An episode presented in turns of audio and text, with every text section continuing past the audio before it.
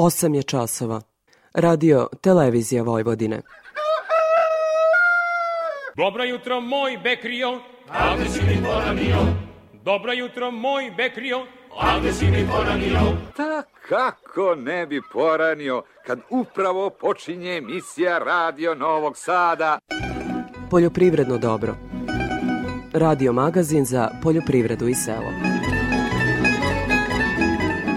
Pred mikrofonom je Stevan Davidović.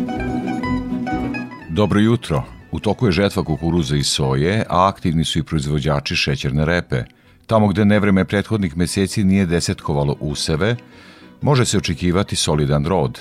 Proizvođači šećerne repe najverovatnije će beležiti uspešno poslovanje, ocenjuje savetodavac u Vrbalskoj poljoprivrednoj stanici Vladimir Rankov. Trenutno prinese su negde tu oko 55 do 60 tona po hektaru platile repe sa nekom dikestijom trenutno oko 17,2 17,3. To je trenutno situacija na terenu s obzirom da je država izašla u susret i da svako ko je posejao zasnovu proizvodnju šećerne repe kod sebe na se tu proizvodnju prijavio u svetovnoj strukturi e, nakon završenog vađenja i obračuna znači država daje oni 35.000 po hektaru sa tim i tim kvalitetima. Kada možda sve saberamo ovu godinu što se tiče i kukuruza, soje i ostale biljne vrste šećerne repe je tu e, nešto što može da ostaje neki profit, da ja kažem, na samom gazdinstvu, ali o tom potom... O tome, ali šta je preporuka za obradu zemljišta nakon berbe i vađenja letine, govorit ćemo opširnije u nastavku emisije. Na Poljoprivrednom fakultetu u Novom Sadu održan je tradicionalni međunarodni simpozijum o stočarstvu. O tome govorimo u temi emisije. Voće je neretko skupo za građane, međutim voćari ne zarađuju više od svog rada, već deo zarade uzimaju trgovci. O tome, ali i proizvodnoj godini za proizvođače, pre svega jabuke, takođe slušamo u nastavku emisije. Toliko u uvodu sledi muzika pa izveštaj agrometeorologa. Poljoprivredno dobro. Radio Novi Sad.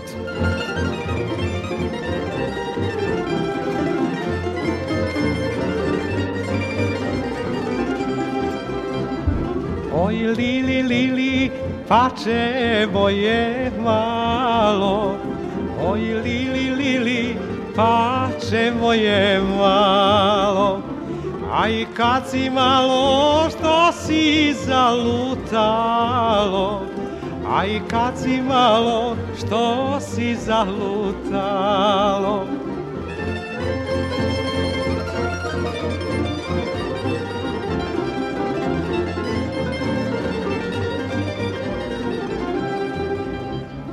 Aj zar je bolje tamo nego Aj zar je bolje tamo nego Aj zar je bolja voda iz kanala Aj nego naša iz bistra bunara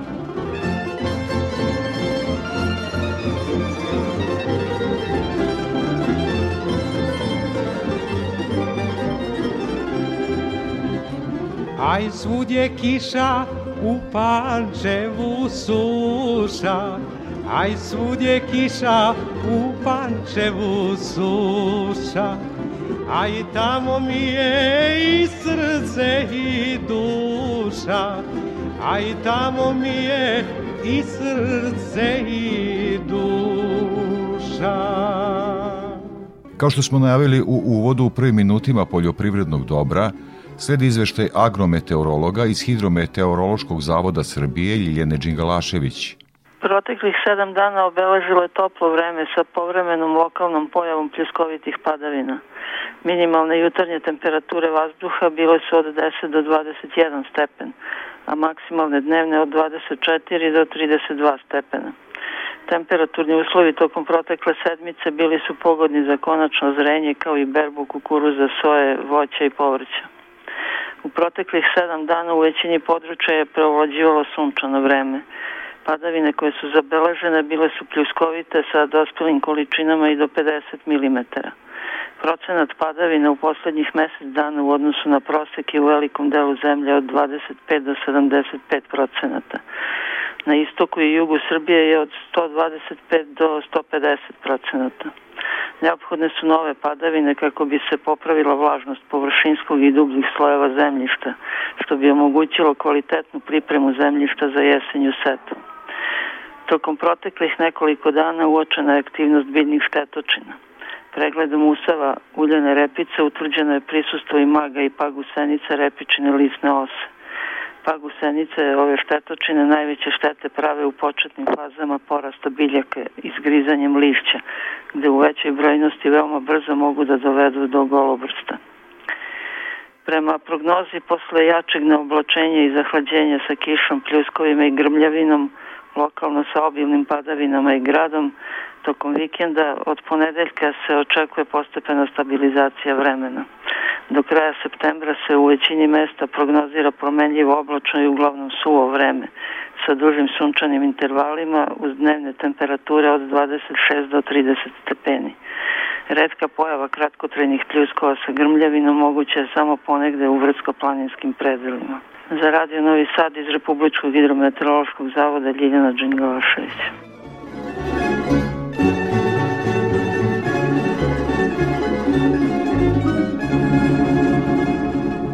Toku je žetva kukuruza, soje i šećerne repe. O tome, ali šta je preporuka za obradu zemljišta nakon berbe letine, razgovarao sam sa savetodavcem u Vrbaskoj poljoprivrednoj stanici Vladimirom Rankovim. Vladimire, kakva je situacija na terenu da krenemo od kukuruza? Ipak je to najznačajnija naša ratarska kultura. Jeste, ovaj, što se tiče kukuruza koji je najzastupljeniji, zauzima najveće površine teritorije delovanja poljoprivredne savjene stručne službe Vrbas e, i žetva useva, a i berba, znači kod onih proizvođača koji su planirali da e, taj usev ostave u klipu na svom ovaj, imanju je počelo. Znači to su hibridi ranijih grupa zrenja gde e, su vlage te da dozvoljavaju i samu žetvu, a takođe sa većom vagom zaostavljaju u košovima, čarvicama i sličnim znači skladišnim kapacitetima. E, što se tiče samih ove, uslova i same žetve, ona teče po, kažem, ajde po planu, na onim površinama i na onim delovima ovaj, ili potezima atara gde a, Ovo nevreme znači praćeno gradom i obilnim padavinom koje je bilo 13. jula na teritoriji delovanja naše službe na različitim lokalitetima, ove četiri opštine, znači Kula, Vrba, Srbina, Bečin, nije taj usev uništen. E, te usevi gde su uništeni, to su prinosi izuzetno niski, ali e, te površine moraju da se očiste kako bi se obila setva ili obrada za, za neki naredni ovaj usev. Znači, žetva što se tiče kukuruza je na onim lokalitetima gde štete od tog nevremena znači grada praćeno ovim padom nije bio. Reci mi, Vladimire, u najkraćem ovako po onom što se sada već zna, koliki su prinosi? Tu, gde, prinosi, gde, gde, gde... prinosi što se tiče, znači ovih, kažem, useva koji su u dobrom stanju gde je vegetacija ispracena do kraja i ovi rane grupe zrenja sad su trenutno tu negde oko 7 tona po hektaru. E, poljoprivredni proizvođači možda očekuju neki veći prinos, tu su vlage od 14,5 do 15,3, 15,5, ali ovaj znači žetva je trenutno na tim lokalitetima i na tim hibridima ranijih grupa zrenja. Soja je mnogo godina zaista sve, sve više prostora zauzimala na našim parcelama i solidni prinosi, ali i solidna cena. Kako je ove godine? Pa jeste, žetva soje takođe na lokalitetu delovanja poljoprivredne savjene stručne službe Vrbas počela. E, na onim usev, na onim sortama, znači ranije grupa zrenja, nula prve grupe, ovaj, i e, kao što sam napomenuo malo pre, i za useve kukuruza, to isto važi i za usev soje. Ovaj, znači tamo gde nije usev oštećen toliko od elementarne nepogode grada praćeno obilnim padajima, znači 13. jula, što se bezadeslo na ovom lokalitetu delovanja službe, žetva kreće, ovaj, se odvija ovaj, dobro i prinosi nisu baš nešto tako ovaj, što su poljoprivredni proizvođači očekivali i od sorte do sorte i negde se tu kreću prosečni, da kažemo, oko 2,2 do 2,4 tone po hektaru. To je trenutna situacija i usevi izgledaju stvarno dobro, međutim, poljoprivredni proizvođači su očekivali nešto mnogo, mnogo više, ali ovo je realno stanje i ovo su neki prinosi i neki prinos koji će biti, ja mislim, i do same kraja žetve ove biljne vrste. Vladimire, proizvođači šećerne repe ove godine i podršku države imaju. Kakva je situacija kada je e, prinos u pitanju i uopšte zadovoljstvo svaki dan si u kontaktu s proizvođačima? E, što se tiče ovaj, šećerne repe, ovaj, kampanja je znači počela, vađenje useva je počelo na teritoriju delovanja službe, trenutno prinese su negde tu oko 55 do 60 tona po hektaru platile repe sa nekom dikestijom trenutno oko 17,2 17,3. To je trenutno situacija na terenu ovaj, kod proizvođača sa kojima smo bili u kontaktu i kojim sam iznali te podatke. Ono što a, je, jeste sigurno da ako ostane ovakav prinos i ova digestija, da će to biti neka stabilna proizvodnja s obzirom da je država izašla u susret i da a, svako ko je posejao zasnovu proizvodnju šećerne repa u sebe na gazdinstvu, tu proizvodnju prijavio u svetovnoj strukturi nakon ovaj, završenog vađenja i obračuna, znači država daje oni 35.000 po hektaru sa tim i tim kvalitetima. Tako da, kada možda sve saberamo ovu godinu, što se tiče i kukuruza, soje i ostale biljne vrste šećne repa je tu e, nešto što može da ostaje neki profit, da ja kažem, na samom gazdinstvu. Ali o tom potom e, žetva jesenjih useva ili žetva jarih useva jare setve sada trenutno situacija na treću je tek počela, vidjet ćemo kako će biti na kraju, tako da ja očekujem neke prosječne prinose, da vreme posluži, da nakon skidanja znači soje, suncokreta, se započne setva ozimih strnina, a što se tiče setve uljene repice, ona je u toku, ja mislim da je tu negde i pri kraju, na nekom nivou od prošle godine, tako da očekujem neku, da kažem, prosječnu godinu što se tiče prinosa, A što se tiče ekonomske dobiti ili nekog profita na samom gazinu, to ćemo uh, razmatrati nakon znači ovih poslova koji su trenutno aktualni. Malo si počeo, odnosno dodirnuo si tu temu, a to je zemljište nakon e, žetve. Da li se dimilo, tako da kažem, u ataru Vrbasa, odnosno da li je su nesavesni spaljivali žetvene ostatke i kakvi su saveti stručnjaka i šta nakon skidanja useva, šta je idealno uraditi na parceli da damo i par saveta? Što, što se tiče paljenja žetvenih osetaka, ja mogu slavno da kažem da na teritoriju delovanja službe toga nema ili ga ima u nekom neznatnom, malo, malom procentu 0, ne znam koliko. Stvarno, poljoprivredni proizvođači zoravaju žetvene ostatke, shvatili su da paljenjem žetvenih oseta uništavamo zemljište, zemljišnu mikroorganizme koji su nam izuzetno potrebni za održavanje plodnosti zemljišta, samim tim ču, ovaj, čuvamo životnu sredinu, tako da vrlo, vrlo su ozbiljno shvatili i meni je to drago da smo mogli na neki način da utičemo na njih da se to ne radi. Drugo pitanje što ste poslali nakon skidanja ovaj, useva, zavisi o kojoj biljnoj vrsti radi, znači idemo znači, pripremu, obradu i plan šta nam je e, sledeći, to je ovaj, relativno zavisno od samog poljoprivrednog proizvođača, da li planira set vozimih useva nešto od toga, da li planira pripremu, znači obradu za setvu jarih useva, ali pre svega znači ono što je preporuka u zavisnosti šta ćemo da seme na toj parceli, obavezno agrohemijsko zemljište, upotreba mineralnog đubriva znači na osnovu tih rezultata, ako govorimo o setvi strnih žitna, izbor sortimenta, sorte, setva kvalitetno deklarisanog sortnog semena, što je ono što je bitno sada u ovom periodu, znači jesenjem.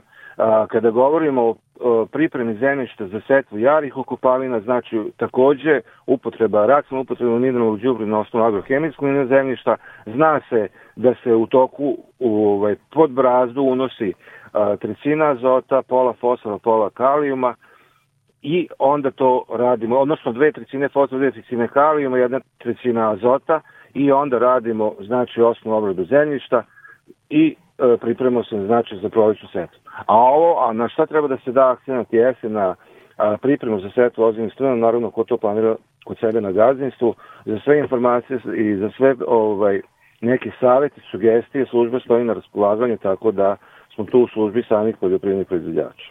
Stručnjak poljoprivredne, stručne i savetodavne službe u Vrbasu, Vladimir Rankov. Vladimire, veliko ti hvala za ovaj razgovor i e, dragocene savete našim poljoprivrednicima. Hvala i vama.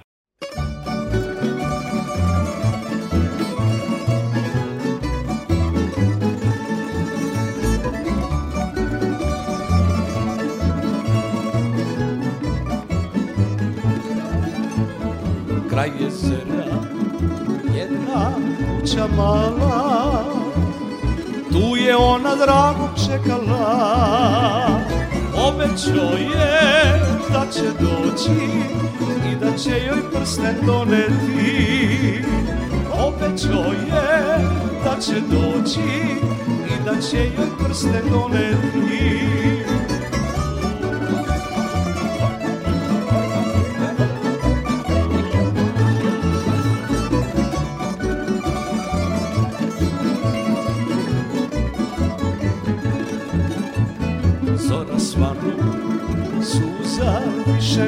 nema Pa ni drago kog je čekala Kraj jezera plakala Maramica bela ostala.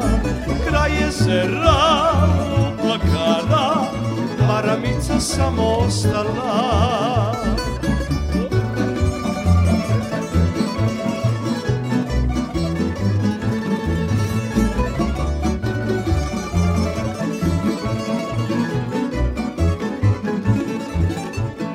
Ako nekad ljubiš momče mlado Znaj da će te brzo ostavi Jer on ne zna šta je ljubav I ne može dugo veran biti Jer on ne zna šta je ljubav I ne može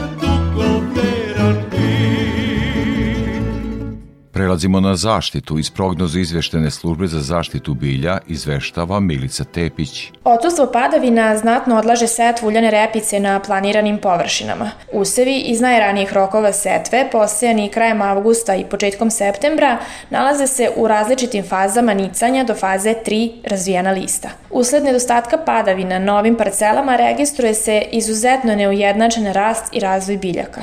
Vizualnim pregledom izniklih useva registrovano je prisustvo repičine lisne ose. Slobodno možemo reći najzačajnije štetočine ove uljarice u jesenjem periodu sezone. Uočavaju se odrasle jedinke, položena jaja, ali i ispiljene pa gusenice, koje u ovim početnim fazama razvoja biljaka mogu za kratko vreme uništiti lisnu masu prouzrokujući golobrast. Vremenski uslovi u proteklom periodu sa visokim dnevnim temperaturama kao i odsustvom padavina pogodovali su razvoju repičine lisne ose. Kao posledica, na pojedinim parcelama postignut je ekonomski prag štetnosti, odnosno jedna pa gusenica po biljci. Na poniklim usevima registruju se i položena jaja kukuruzne, odnosno pamukove sovice, čije larve ishranom na tek izniklim biljkama takođe mogu pričiniti veoma značajne štete. Trenutno se nalazimo u kritičnom periodu za zaštitu uljane repice od štetočina, jer imamo mali broj izniklih useva, te pritisak štetočina na njima visok, a uslovi u proizvodnji izuzetno pogoduju njihovom masovnom razmnožavanju. Proizvođačima se preporučuje pregled izniklih useva na prisustvo pomenutih štetočina, a po postizanju praga štetnosti i primjena nekog od navedenih insekticida na bazi deltametrina ili lambda cihalotrina. Pregledom useva registruje se i prisustvo lisnih vaši. Direktne štete usevima nanose tako što sisaju sokove biljaka, međutim, mnogo značajnije štete mogu prouzrokovati kao vektori biljnih virusa – Tokom proteklih nekoliko sezona u našoj zemlji potvrđeno je prisustvo virusa žutice postrane repe. Navedeni insekticidi za repičinu lisnu osu i kukuruznu, odnosno pamukovu sovicu, delovaće i na suzbijanje lisnih vaši. Detaljnije informacije o štetnim organizmima i merama njihove kontrole u usevima i zasadima naši slušaoci mogu pogledati na portalu prognozno izveštajne službe za zaštitu bilja, odakle se javlja Milica Tepić.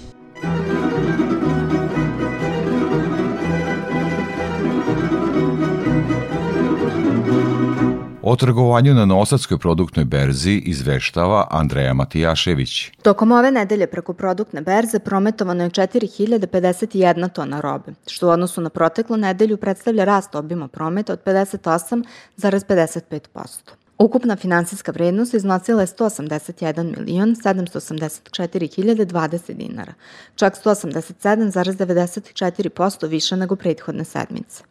U toku ove nedelje najtrgovanije robe bile su suncokret i soja.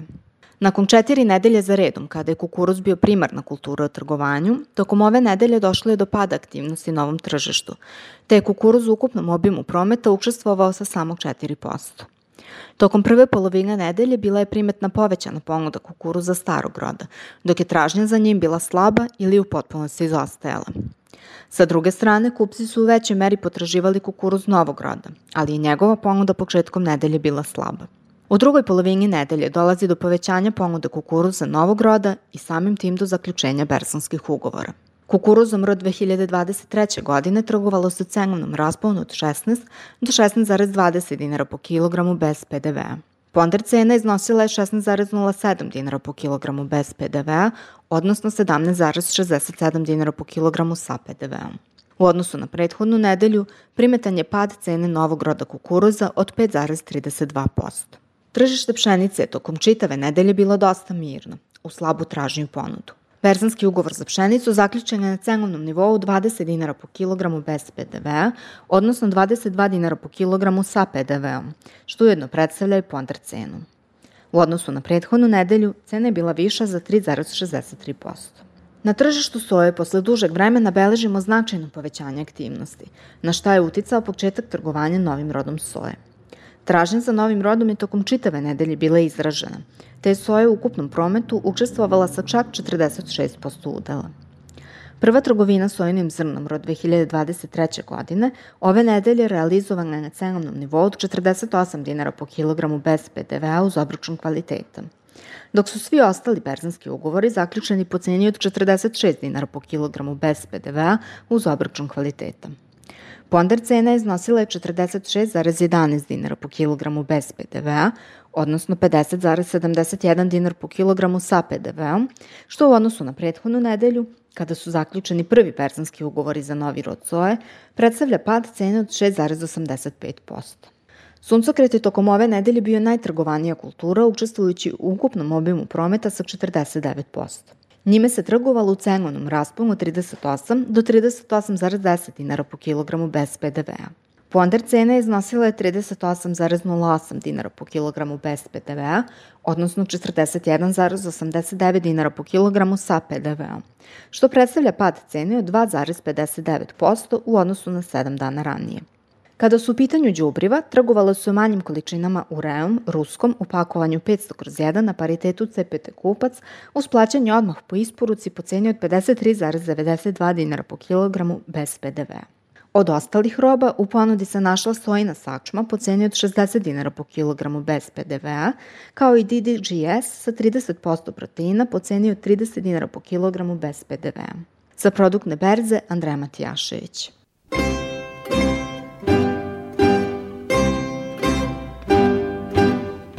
Kao i svake nedelje pratimo izveštaj o cenama sa tržišta žive stoke. Iz Infotim Logistike izveštava Gordana Jeličić. Tokom nedelje naši saradnici tovne svinje sa farme oglašavali su po ceni od 280 do 285 dinara po kilogramu, tovljenike sa mini farme po ceni od 278 do 280 dinara po kilogramu, a tovljenike iz otkupa po ceni od 268 do 270 dinara po kilogramu. Ukupno je tržištu ponuđeno oko 600 tovljenika. Tokom nedelje pregovori za tovne svinje sa farme postizani su po ceni od 280 do 285 dinara po kilogramu, a za svinje sa mini farme po ceni od 278 dinara po kilogramu. Naredne nedelje klaničari će farmsku robu plaćati 280 dinara po kilogramu. Prasaca farme oglašena su po ceni od 520 do 550 dinara po kilogramu, Prasaca mini farme po ceni od 416 do 460 dinara po kilogramu, prasad iz otkupa po ceni od 340 do 342 dinara po kilogramu, a prasad za klanje ponuđena su po ceni od 353 dinara po kilogramu. U ponudi smo imali oko 2000 prasadi. Nazimice za priplot ponuđene su po ceni od 50.000 dinara po komadu.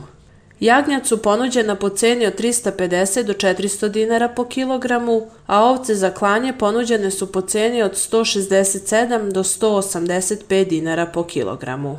Bikovi rase Holstein oglašeni su po ceni od 275 do 305 dinara po kilogramu, a bikovi simentalci po ceni od 300 do 330 dinara po kilogramu. Klaničari će za iduću nedelje bikove simentalce plaćati do 3 evra po kilogramu kao ukupnu cenu. Kad je živina u pitanju, jednodnevni pilići teške linije ponuđeni su u rasponu od 47 do 60 dinara po komadu. Tovni pilići ponuđeni su po ceni od 222 dinara po kilogramu. Cene su izražene bez PDV-a. Za Radio Novi Sad, Gordana Jeličić iz Infotim Logistike.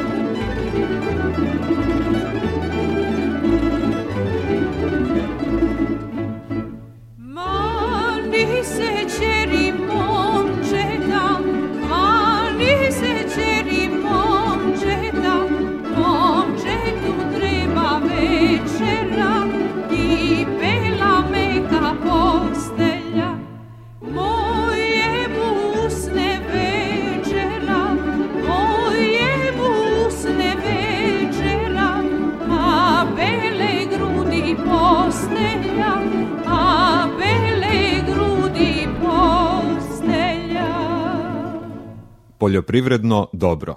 Radio Novi Sad. Tema emisije.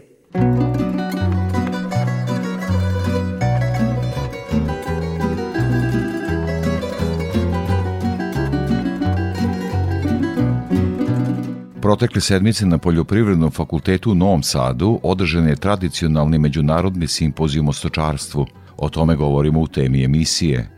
Za početak o ovom skupu razgovarao sam sa direktorom Departmana za stočarstvo Dejanom Beukovićem. Ove godine organizujemo e, naš tradicionalni skup Međunarodni simpozijum o stočarstvu ili popularno ISAS, International, International Symposium of Animal Science. Ono što želimo da istaknemo jeste da je posle, ajde kažemo, jedne kraće pauze ponovo smo uspeli da okupimo E, mnogo e, stranih, pre svega istraživača i profesora, ali i drugih stručnjaka koji će imati prilike tokom trajanja simpozijuma od tri dana da učestvuju u različitim debatama, da izlože najnovija istraživanja kojima su se bavili u poslednje vreme, ali isto tako ove godine smo E, želeći da se bavimo aktuelnim temama koje možda na neki način malo odstupaju neke, od neke naučne agende, uvrstili smo i panel diskusije. Ove godine imamo osam panel diskusija koje se bave različitim temama koje su, ajde kažemo, u žiži interesovanja, tako da smo pokrili kre, e, teme koje najviše, ajde kažemo, pogađaju naše područje, konkretno imaćemo panel diskusiju o afričkoj kugi svinja, zatim o veštačkom mesu, o organskoj proizvodnji, o mikotoksinima, e, o upotrebi nekih alternativnih proteina, e, zatim imaćemo panele koji se bave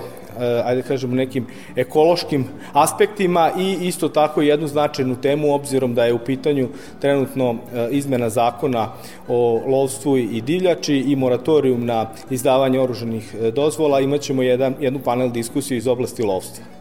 Tako da, želeći da nekako nauku učinimo dostupnijom i, ajde kažemo, neku vrsti pitkijeg štiva za, ovaj, kažemo, krajne korisnike, za farmere i tako dalje, želimo, znači, da upravo i tim panel diskusijama doprinesemo nekom, ajde kažemo, boljem transferu ili konkretno diskusiji na neku temu koju želimo ovaj, da, se, da se nađe u etru. Poljoprivredni fakultet u Novom Sadu ima veliku tradiciju uticaja na naše proizvođače, dakle, znanje, iskustvo i tako dalje. S obzirom na to da je dosta slabo razvijeno stočarstvo, šta će se činiti narednih godina da se to popravi?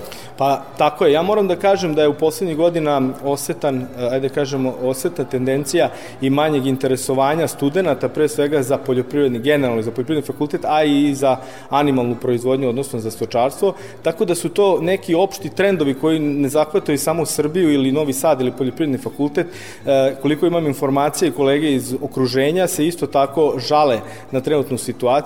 Ono što je svakako do nas i što mi možemo da uradimo do nas jeste da upravo i tim mladim budućim stručnjacima e, pružimo najbolje moguće uslove e, da dođu od tih nekih najboljih znanja i da naravno posle jednog dana izrastu stručnjake koji će moći da se nose sa problemima. Kao što smo imali priliku da vidimo, e, problemi ne prestaju, nego samo postaju veći i ozbiljnije. Evo, konkretno imali smo različite situacije u stočarstvu i ni jedna, ako se sećate, nikada nije imala, ajde kažemo, neki epilog kojem bi svi bili zadovoljni. Tako da se nadamo da upravo pristupom, samo zajedničkim nekim pristupom i zajedničkim radom na ne samo kažem, stručnjaka, nego i svih mogućih ljudi u lancu, od farmera e, do predstavnika e, ministarstva, lokalnih samouprava i tako dalje, samo zajedno možemo na neki način da odgovorimo određenim izazovima koji su pred nama. I u najkraće možda poruke proizvođačima i državi. Šta treba činiti da se unapredi naša poljoprivredna proizvodnja, odnosno stočarska?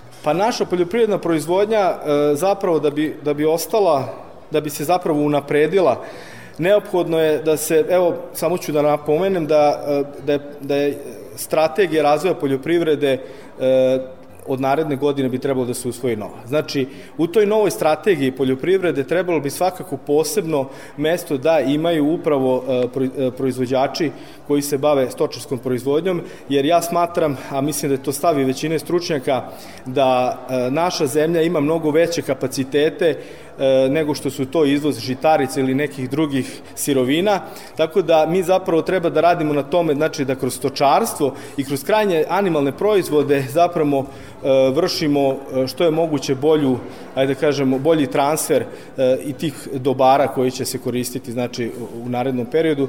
Tako da svakako, eto, možda krajnja poruka za sve bi bilo da možda toj strategiji svi zajednički e, pristupimo i da damo svoj maksimalni doprinos, ali isto tako ne možemo da ostanemo imuni na neka globalna dešavanja koja se dešavaju u okruženju i tako dalje. Tako da smatram da u svakom slučaju e, kada god e, da li ministarstvo ili bilo ko e, bilo koji donosioci odluka imaju potrebu da se konsultuju sa stručnjacima, sa ekspertima, poljoprivredni fakultet e, sa svojim resursima stoji na raspolaganju. Veliko vam hvala. Ono što je u fokusu struke i nauke kada je reč o stočarskoj proizvodnji svakako jeste pitanje aktuelne afričke kuge svinja. O tome kakvu podršku i pomoć u tom svetlu nudi nauka, govori dekan Poljoprivrednog fakulteta Nedeljko Tica. Pre svega možemo pomoći sa preporukama šta je to što treba da se uradi, e, da se takva bolest koja se s vremena na vreme javlja i koja prouzrukuje velike štete e, našim poljoprivrednim proizvođačima. S druge strane, mislim da je vrlo važna poruka da set mera koji ćemo mi proporučiti u okviru ovog savjetovanja sprovode državni organi, ali ono što je najvažnije da ih sprovode poljoprivredni proizvođači jer mi još uvek ne možemo da identifikujemo iz kojih razloga se ta pojava s vremena na vreme javlja na ovim prostorima. Ne možemo tačno da utvrdimo šta su uzroci nastanka te pojave i zašto se ta pojava na ovim prostorima, kažem, ne samo na teritoriji Republike Srbije, nego u širem okruženju javlja, jer su posledice ogromne. Znači, dolaze do eutanazije i priplodnih, priplodnog dela zapata i zapata u tovu, e, što pre svega zahteva veliko vreme za obnavljanje te proizvodnje. mislim da mi u, u narodnom periodu, e, kad kažem mi, mislim i na državu, na fakultete i na poljoprivredne proizvođače, moramo doći do objedinjenih mera i akcija kako bi sprečili takvu pojavu. Moj sledeći sagornik je profesor na Beogradskom poljoprivrednom fakultetu Vladan Bogdanović. Današnji skup je izuzetno značaj, s obzirom da predstavlja jedan od nekoliko tematskih naučnih skupova, odnosno simpozijuma koji se bave stočarskom proizvodnjom, odnosno stočarstvom. Pre svega je značajan za nas zbog e, širenja rezultata i prezentovanja rezultata naših istraživačkih projekata koje imamo, ali isto tako i zbog uspostavljanja novih saradnji i mreža poznanstava koje su neophodne za sva buduća naučna istraživanja, više ne možete jednostavno sami da radite. U okviru ove, ovog simpozijuma organizovano je nekoliko panela, diskusija, panel diskusija, jedna od njih je posvećena i vrlo kompleksnom i komplikovanom odnosu stočarske proizvodnje životne sredine. Danas se stočarska proizvodnja prepoznaje od različitih e, grupa formalnih, neformalnih, pa čak i nekih velikih kompanija i svojih interesa kao jedan od, e, jedna od grana privređivanja poljoprivrede sa najvećim negativnim efektom na životnu sredinu, što nije baš tako. S obzirom na to s obzirom na to da intenzitet e, poljoprivredne proizvodnje koje danas imamo i proizvodnje koje danas imamo izuzetno intenzivan i kao takav mora da se reguliše.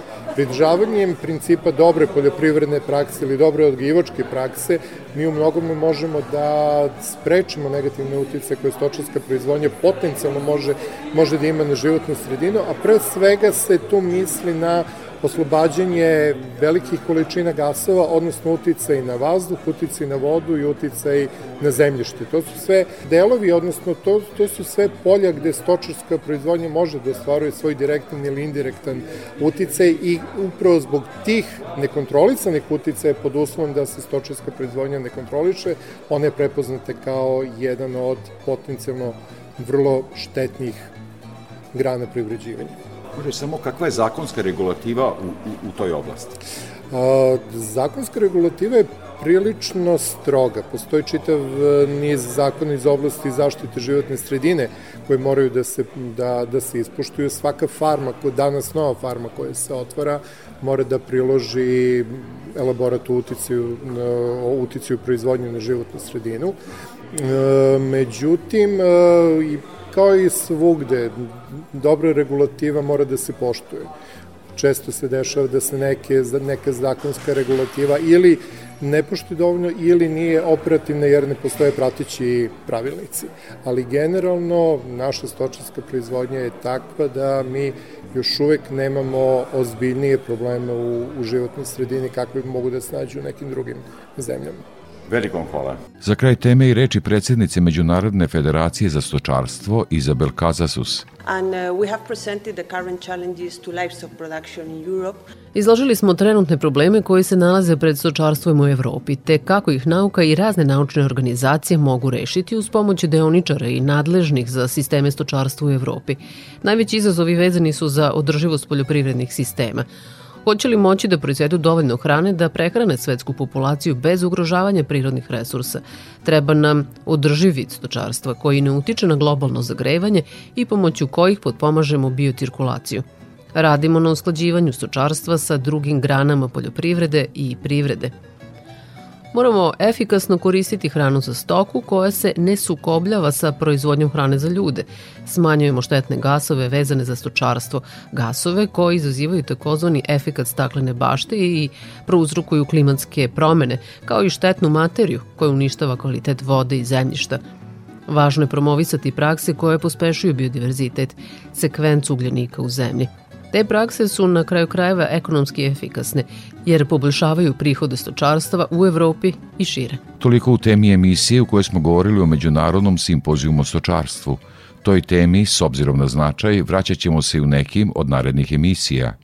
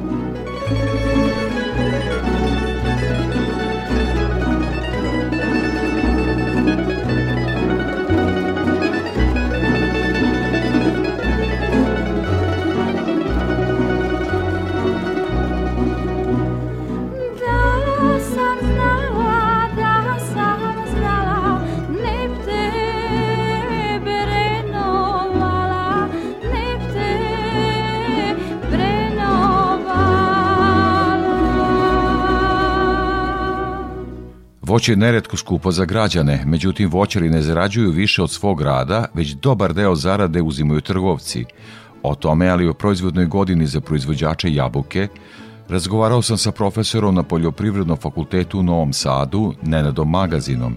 Profesore, s obzirom na specifične klimatske uslove, u najkraćem kako cenjujete ovu proizvodnu godinu kada je voćarstvo u pitanju? Pa moram da se nadovežem, nisu samo specifični klimatski uslovi, nego, nego nažalost i tržišni.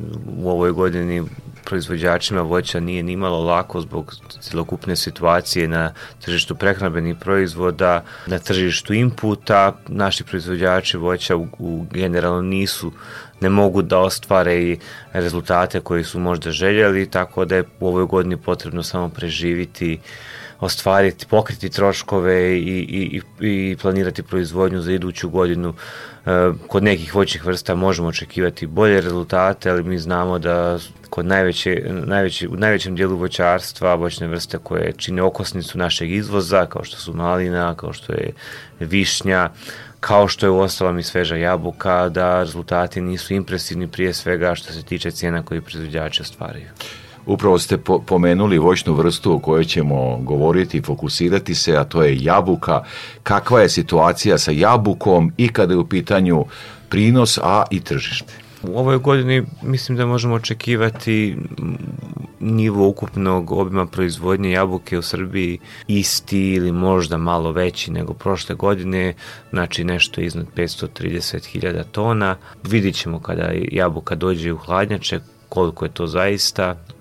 Neće sva jabuka nažalost završiti u hladnjačama jer imamo dosta industrijske jabuke ove godine, odnosno jabuke koja je loše kvaliteta, pre svega zahvaljujući vremenskim uslovima koji su iziskivali stalnu, konstantnu zaštitu zbog stalnog kvašenja plodova zbog kiše.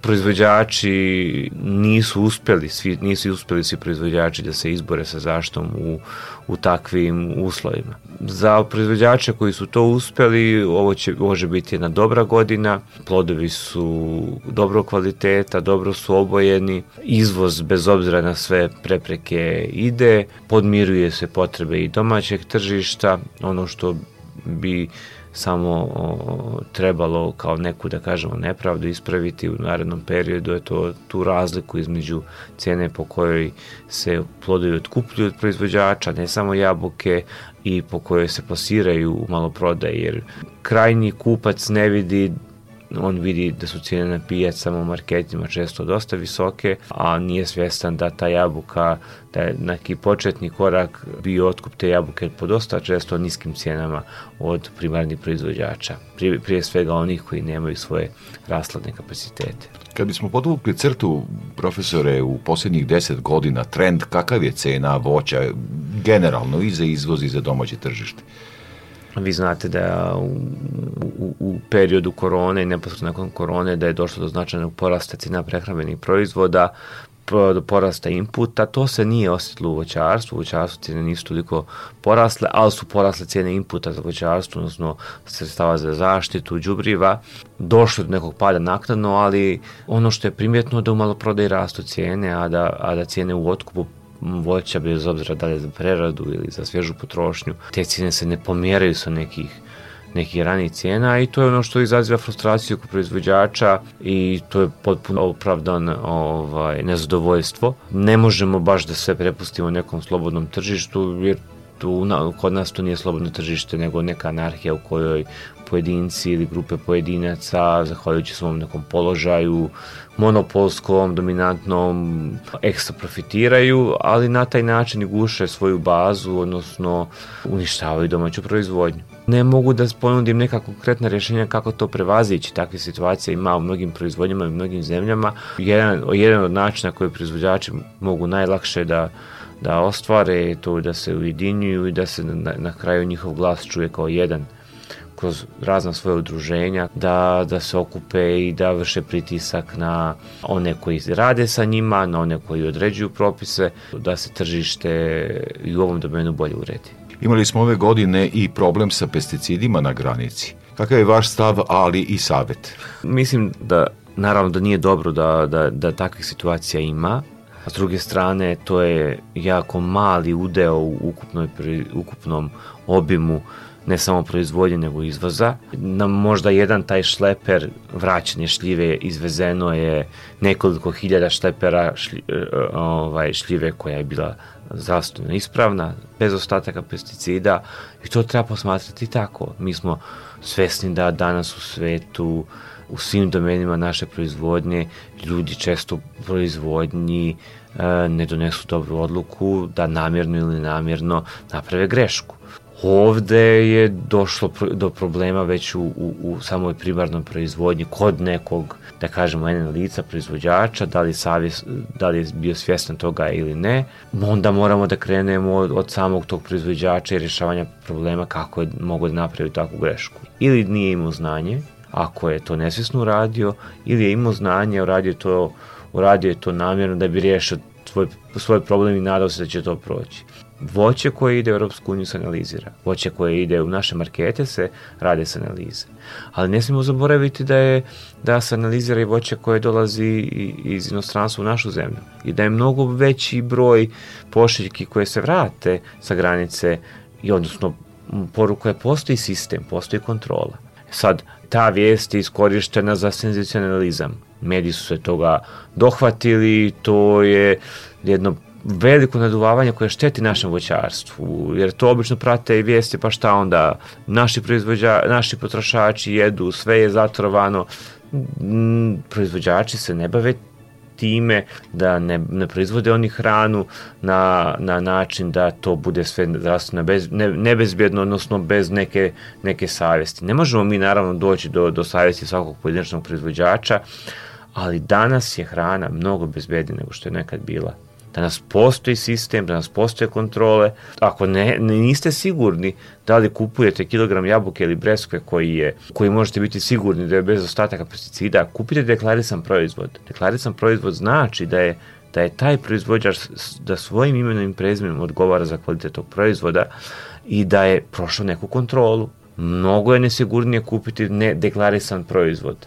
proizvod za koje se ne zna porijeklo proizvođači, ako se pridržavaju, a to je neka poruka njima, ako se pridržavaju uputstva za upotrebu određenog preparata, ako poštuju karencu, neće doći ni do kakvih problema. Naravno, ne bi bila dovoljna jedna emisija da pojasnimo proizvođačima kako da budu sigurni dodatno u to što rade da je ispravno, je zavisi od tehnike, zavisi od momenta tretiranja.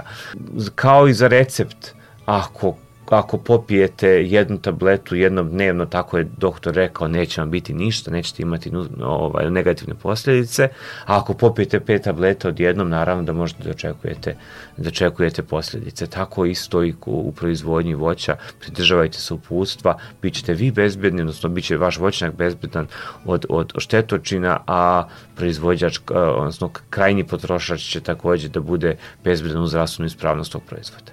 I za kraj, profesore, u najkraćem, koje su preporuke kada je agrotehnika i sve ono što podrazumeva dobru negu u voćnjaku, šta sada nakon berbe jabuke predstoji i šta je preporuka struke i nauke? Preporuka je da se berba izvede u, u, u, u nekom što kraćem roku poštujući optimalne uh, parametre kvaliteta plodova za, za, za, za čuvanje. Ako se plodovi namijenjeni čuvanju, moramo da znamo da pravilno odredimo moment berbe, da ih što prije stavimo u hladnjaču, rasladimo, da plodove oberemo kvalitetno, da imamo što manji udio jabuke koja je za, za, za, za preradu, odnosno koja nije jabuka prve klase, da nakon berbe nastimo sa primjenom tretmana koja, koji će pomoći da stabla uđu u zimski period mirovanja sa što manjim inokulumom bolesti, da uđu pripremljena u zimu e, sa mineralnom ishranom i ono što je vrlo bitno da kod sorti koje ćemo baviti još kasnije da završavamo na vrijeme tretmane protiv bolesti. Profesor Nedan Magazin, Poljoprivredni fakultet u Novom Sadu, veliko hvala za ovaj razgovor i učešću u programu Radio Novog Sada. Hvala i vama na pozivu.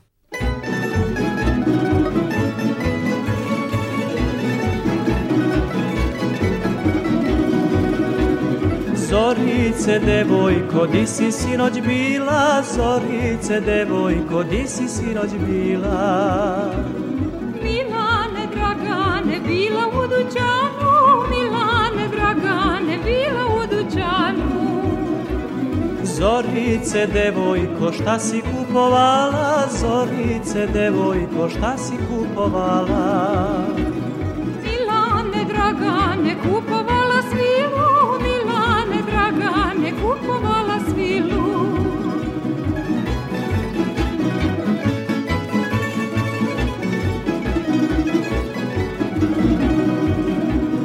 Zorice, devojko, šta će tebi svila? Zorice, devojko, šta će tebi svila? Milane, Dragane, hoću da se udam, Milane, Dragane, hoću da se udam. Zorice, devojko, hoćeš poći za me? Zorice, devojko, hoćeš poći za me? Milane,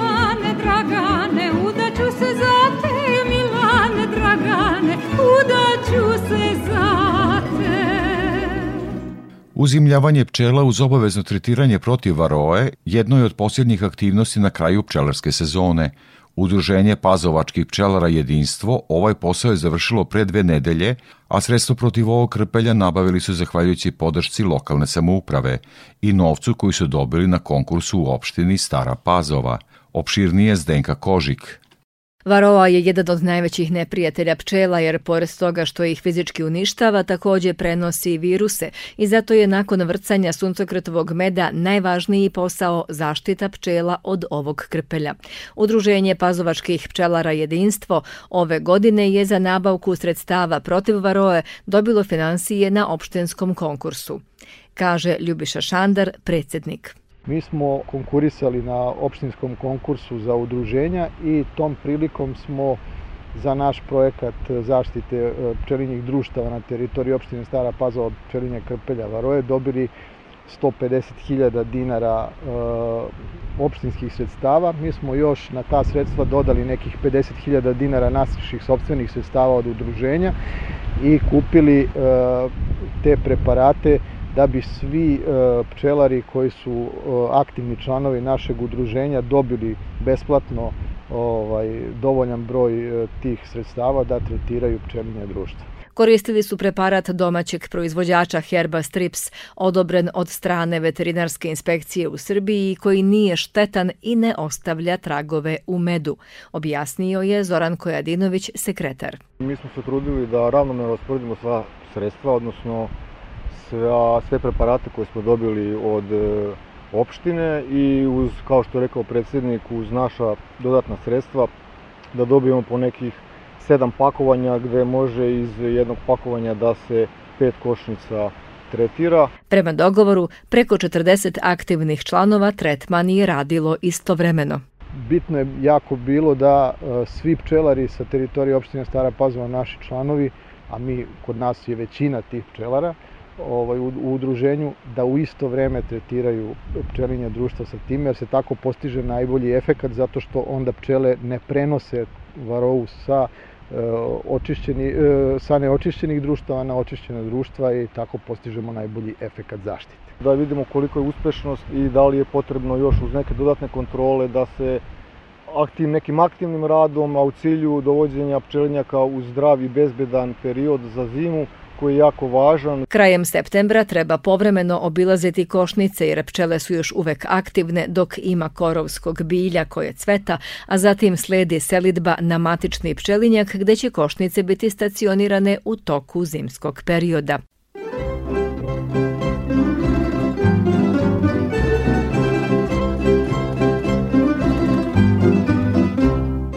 I pred kraj emisije još jednom prognoza za narednu sedmicu. Iz Hidrometeorološkog zavoda Srbije Ljiljana Đingalašević. Prema prognozi posle jačeg neoblačenja i zahlađenja sa kišom, pljuskovima i grmljavinom, lokalno sa obilnim padavinama i gradom, tokom vikenda od ponedeljka se očekuje postepena stabilizacija vremena. Do kraja septembra se u većini mesta prognozira promenljivo oblačno i uglavnom suvo vreme sa dužim sunčanim intervalima uz dnevne temperature od 26 do 30 stepeni. Redka pojava kratkotrajnih pljuskova sa grmljavinom moguća je samo ponegde u vrdsko-planinskim predelima. To bi bilo sve što smo pripremili za ovo izdanje poljoprivrednog dobra Radio Novog Sada. Emisiju montirala i Boja Šanca. Muziku birao Aleksandar Stojanović.